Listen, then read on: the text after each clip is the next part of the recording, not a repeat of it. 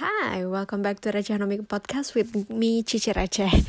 Well, it's been a while since my latest ones. Um, ya masih struggling dengan pekerjaan barunya dan masih uh, building my own business. Jadi ya bagi waktunya agak susah nih dengan bikin konten di podcast. Meanwhile aku juga tetap harus konsisten bikin um, konten di beauty di platform aku yang lain.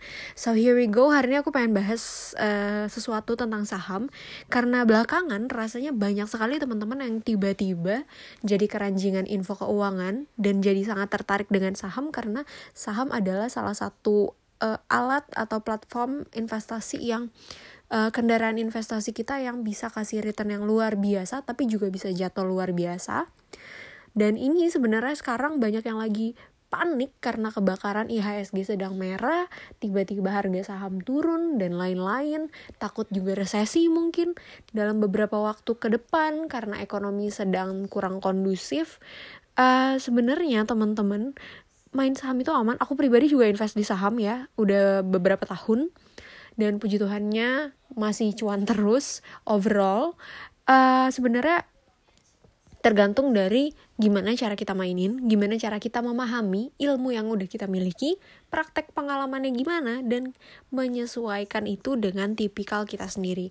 Jadi sebenarnya saham ada punya 6 tipe investor teman-teman yang mungkin kalau ka kalian tiba-tiba berubah, tiba-tiba switching, cross, itu akan jadi nggak cocok, akan jadi clash, dan itulah yang bikin kalian sebenarnya kenapa jadi rugi, karena itu kesalah, salah satu kesalahan yang uh, cukup fatal. Nah, teman-teman kita mulai dengan pertama, yaitu value investor. Dia yang beli berdasarkan nilai atau harga wajar sebuah saham. Jadi biasanya value investor ini mereka benar-benar perhatiin nilai wajar sebuah emiten. Nah, mereka akan beli pas harganya lagi under value. Jadi misalnya ya biasa harga 30 ribu, tiba-tiba harganya 20 ribu. Ya dibeli karena menurut mereka value-nya lagi di bawah dan ini akan naik lagi ke value tadi. Mereka akan cuan sebesar selisihnya itu kan cara taunya gimana? Nah ini tuh nggak bisa ngasal teman-teman karena value sendiri juga ada perhitungannya dan harus dipelajarin mateng-mateng. Makanya biasanya aku bilang teman-teman jangan asal nyemplung ya ke investment tapi harus benar-benar dipahamin teman-teman uh, instrumennya seperti apa. Nah, kemudian ini ada yang kocik alias kocak ya. Karena biasanya investor pemula sering banget nih jadi seorang friend investor. Jadi percaya aja sama temennya yang udah terjun duluan. Well, ini asas kepercayaan yang sangat tinggi ini yang kadang-kadang gue bingung ya orang Indo tuh banyak banget asas kepercayaan jujur.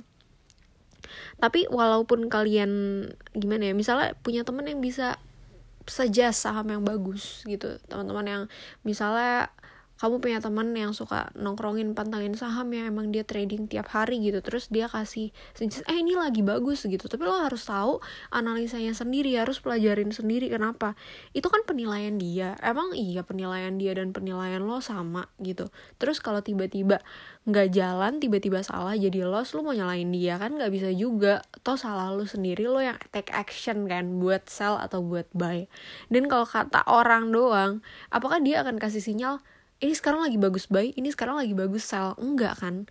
Jadi ya kamu harus yakin sebelum kamu take action akan hal tersebut gitu. Jadi eh uh, kan kita nggak tahu ya apa yang mendasari dia tiba-tiba bilang itu bagus. Apa yang mendasari dia tiba-tiba bilang itu harganya akan naik ya kalau kita nggak tahu dasarnya gimana cara kita mau analisanya gitu. Makanya coba analisa sendiri aja nonton belajar ya. Semua juga awalnya dari nggak bisa. Gue meskipun anak accounting di kampus itu nggak diajarin ah, belajar saham ya. Jadi di kampus belajarnya adalah accounting for a company buat bekerja sebagai seorang akuntan di perusahaan bukan sebagai trader saham. Jadi gimana caranya gue bisa trading? Caranya adalah gue belajar ilmunya gitu teman-teman belajar analisanya next adalah growth investor. Nah, kalau yang ini mereka invest ke perusahaan yang lagi berkembang, teman-teman. Jadi uh, pertumbuhannya dari dulu sampai sekarang udah bagus dan menurut mereka masih akan bertumbuh jadi lebih bagus lagi gitu. Jadi masih ada prospeknya untuk setidaknya beberapa tahun ke depan di mana periode dia masih akan invest. Nah, biasanya ini juga long term investmentnya karena uh, menunggu si company-nya ini bisa growth gitu ya. Dan pertumbuhan keuntungannya ini uh, diharapkan ya cukup worth it gitu buat dia nunggu bertahun-tahun dibanding invest di emiten lain gitu.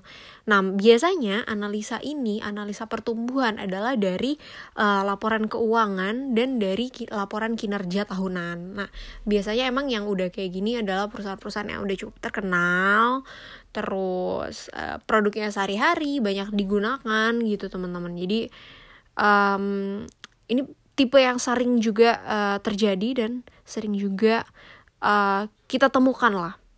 Next adalah si economist investor.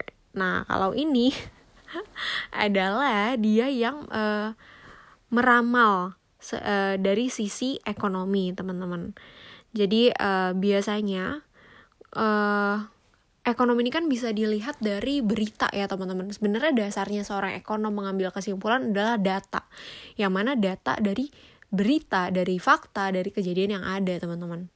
Jadi misalnya ya kayak sekarang, kenapa orang kemarin sebelum 5 Agustus, sebelum pengumuman uh, emiten itu udah langsung ya SG merah, harga saham turun. Kenapa gitu? Padahal ternyata setelahnya naik lagi kan aman kan ijo gitu nggak jadi ARB istilahnya gitu kenapa gitu ya karena orang sudah berspekulasi terhadap data teman-teman bahwa di kuartal 1 dan kuartal 2 ekonomi pertumbuhannya udah negatif. Ketika akan pengumuman di kuartal 3 di mana udah orang udah yakin bahwa wah ini udah pasti resesi, udah dua periode negatif nih. Begitu resesi pasti efeknya yang lain semua jatuh gitu. Udah expect ah sebelum jatuh nih setelah pengumuman resesi mendingan gue lepas saham dulu. Makanya tiba-tiba itu harganya pada merah. Sebenarnya ya karena data dan spekulasi tersebut. Ya sebenarnya bukan dibilang gambling banget juga enggak tapi meramal masa depan sedikit iya. Karena dia berdasarkan data yang lalu data historis dia bisa prediksi data ke depannya. Walaupun sebenarnya saham itu nggak melulu uh, tentang data. Karena balik lagi itu melulu tentang market di mana kalau datanya jelek tiba-tiba marketnya suka dan apalagi market kita ada market lokal dan ada market asing teman-teman yang uh, sisi pikirnya bisa jadi berbeda gitu. Ya kalau marketnya tetap doyan tetap hajar ya hajar aja harganya pasti bagus-bagus aja gitu teman-teman. Jadi ini adalah uh, bukan satu-satunya tapi salah satu acuan yang bisa jadi uh, teman-teman dasar pengambilan keputusan Nah, next, wah ini kalau udah level up nih teman-teman adalah bandarmologi alias uh, ini adalah yang ngeliatin si bandar ini arahnya ke mana sih? Si bandar ini lagi mau naikin apa sih? Kenapa? Karena biasanya kalau lagi ada bandar mainin harganya akan digoreng teman-teman. Bandar ini yang akan naik bukan berarti sahamnya adalah saham gorengan ya tapi uh, ketika ada bandar ini biasanya bandar akan naikin harga akan uh, nah kalau kalian udah punya dari harga di bawah atau ngikut di tengah-tengah nih ngikut wah ada bandar masuk kita ikut masuk gitu biasanya. Begitu beatnya kan bagus ya. Begitu udah naik naik naik kalian tinggal jual itu biasanya cuan. Tapi again ini bisa jadi menjebak. Kalian masih berharap misalnya masih hold ah tunggu ah harganya nanti masih bisa naik. Terus tiba-tiba dilepas sama bandarnya harganya jatuh ya juga Ya, jadi kenapa ini perlu dipelajari teman-teman karena bukan sekadar ngekorin orang aja, tapi kalian juga harus paham bagaimana uh, sistemnya, bagaimana transaksinya, bagaimana polanya.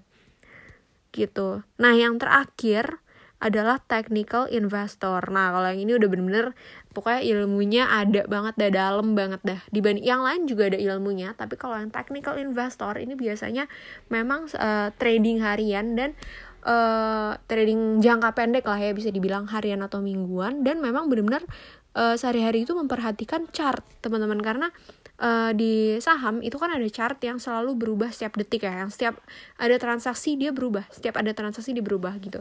Uh, terkait dengan naik turunnya harga terus besarnya bid offer dan lain-lain. Dan sebenarnya dari chart itu kita bisa pelajarin kok teman-teman. Kita bisa uh, baca apakah setelah ini akan mulai naik atau mulai turun? Apakah setelah ini ada kemungkinan dibanting dan lain-lain?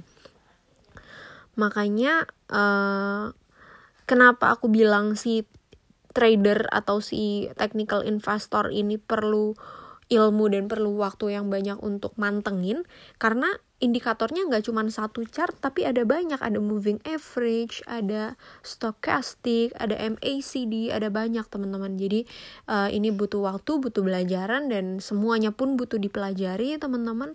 So kalau kalian lagi mau invest di saham sekarang coba teman-teman um, cari dulu tipe kalian tuh yang cocok yang mana? Jangan nih. Ini yang sering kali terjadi dengan investor pemula atau dengan trader saham pemula adalah dia tip, uh, pengen jadi trader harian. Belilah misalnya saham A di harga 100 uh, eh, rupiah per lembar. Ya berarti 10 ribu per lot ya.